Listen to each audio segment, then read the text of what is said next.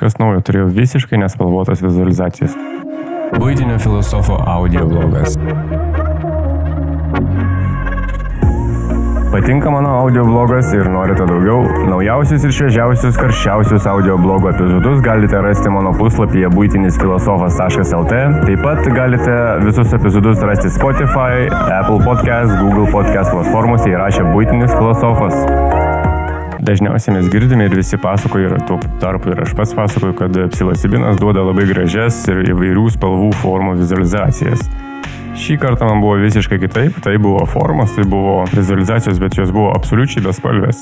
Amazonijan rušis, tai dariau uždaroje patalpoje, visiškai tamsoje. Tai mano galva yra dėl to, kad tai buvo visiška tamsa, todėl mano vizualizacijos buvo absoliučiai bespalvės. Tai yra, buvo juodai, baltos vizualizacijos. Kadangi 2 gramai nėra baisiai didelė dozė ir tu esi viena koja ten, kita koja čia, užsimergęs esi ten, atsimergęs esi čia ir tu supranti, kas vyksta ir jeigu turi patirties, tai tu kaip ir gali analizuoti, kas vyksta ką aš ir dariau, man tai truko valandą laiko ir tą visą valandą laiko aš buvau, kodėl. Kodėl jūs tos vizualizacijos esate nespalvotos? Nes dažniausiai būna labai gražios spalvos. E, vizualizacijų tipas buvo labai panašus į gam, gamtos vaizdinius, kadangi pastaruoju metu labai buvo daug praleista gamtoje. Ir manau, tai buvo flashbackas iš mano atminties ir visos vizualizacijos buvo susijusios su gamta. Bet tai buvo juodai baltos vizualizacijos ir kas mane labiausiai nustebino. Buvo truputėlį ir krivių veidrodžių karalystė, tai yra žingsnis link blogo tripo, kadangi kai tu esi viena koja čia ir viena koja ten, tu gali gali tą reikalą kaip ir pas, pasutumti, pasukti į pusę, kurią tu nori, tai aš pasukau į gerąją pusę, kad man to nebūtų ir toliau stebėjau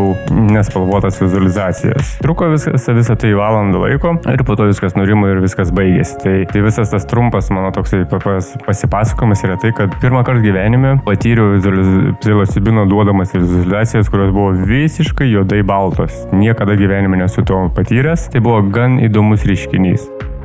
Dar kitas įdomus e, reiškinys e, yra tai, kad aš pasirinkau, kad nebūtų jokios muzikos, jokios šviesos, bet kaip švyturi turiu galvoje švyturį, kad kuris tave tau duoda suprasti, kad tu, tu esi čia, tu esi žmogus. Pasirinkau audio knygą, skaitovo balsas buvo visiškai neutralus, jis nei kito, nei emocija irgi nesikeitė, tai jis buvo tai, kas man vyko, viskas, visos vizualizacijos ir visi tie natūralūs dalykai psilocibinui veikiant, tai aš nuolatos, kai susikoncentruodavau į knygos skaitytojo balsą, jis buvo kaip švyturys, jis buvo neutralus balsas, kuris leido mano smegenims galim suprasti, kad aš esu čia ir dabar esu žmogus. Nors nebuvo toks gilus potyris, bet vis tiek tai buvo inkaras, į kurį gali įsikabinti, kai jau žiūri, kad tu slysti kažkur tais. Tai visai įdomus potyris, niekada tai nėra buvę. Nes jeigu būčiau pasirinkęs muziką, muzika labai nuneša labai giliai, labai toli ir tu muzikos pagalba negali į muziką įsikabinti ir jeigu tau reikia išnirti iš viso šito dalyko audio knyga, tiksliau skaitovo balsas labai padėdavo tai,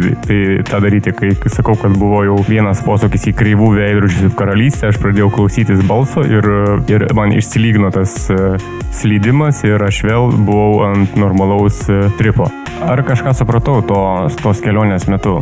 Galbūt, Taip, tikrai buvo kažkokių tais e, pamastymų, apmastymų, kai kelionė baigėsi, bet tai nebuvo tokie stiprus reiškiniai ir tokios stiprios emocijos, kai, tarkime, buvo, kad paskutinį kartą, na, aišku, žinoma, dėl to, kad tai buvo skiriasi suvartoto psilocibino dozė. Kažką tai supratau, ko anksčiau galbūt negalvojau per kitas tas keliones, nes kiekviena kelionė yra kaip loterija, tu niekada nežinai, kas bus tau pasiūlyta ir kur tu atsidursi. Tai labai iš tikrųjų reguliuoja, kaip tu jautiesi ir kokia tavo aplinka. Toks trumpas papasakojimas apie naujausią reiškinį, kas man įvyko. Galbūt jums įdomu, gal ne. Rašykite savo komentarus, klauskite klausimų, jeigu jums įdomu, pasistengsiu atsakyti. Viso ko geriausio. aplauso.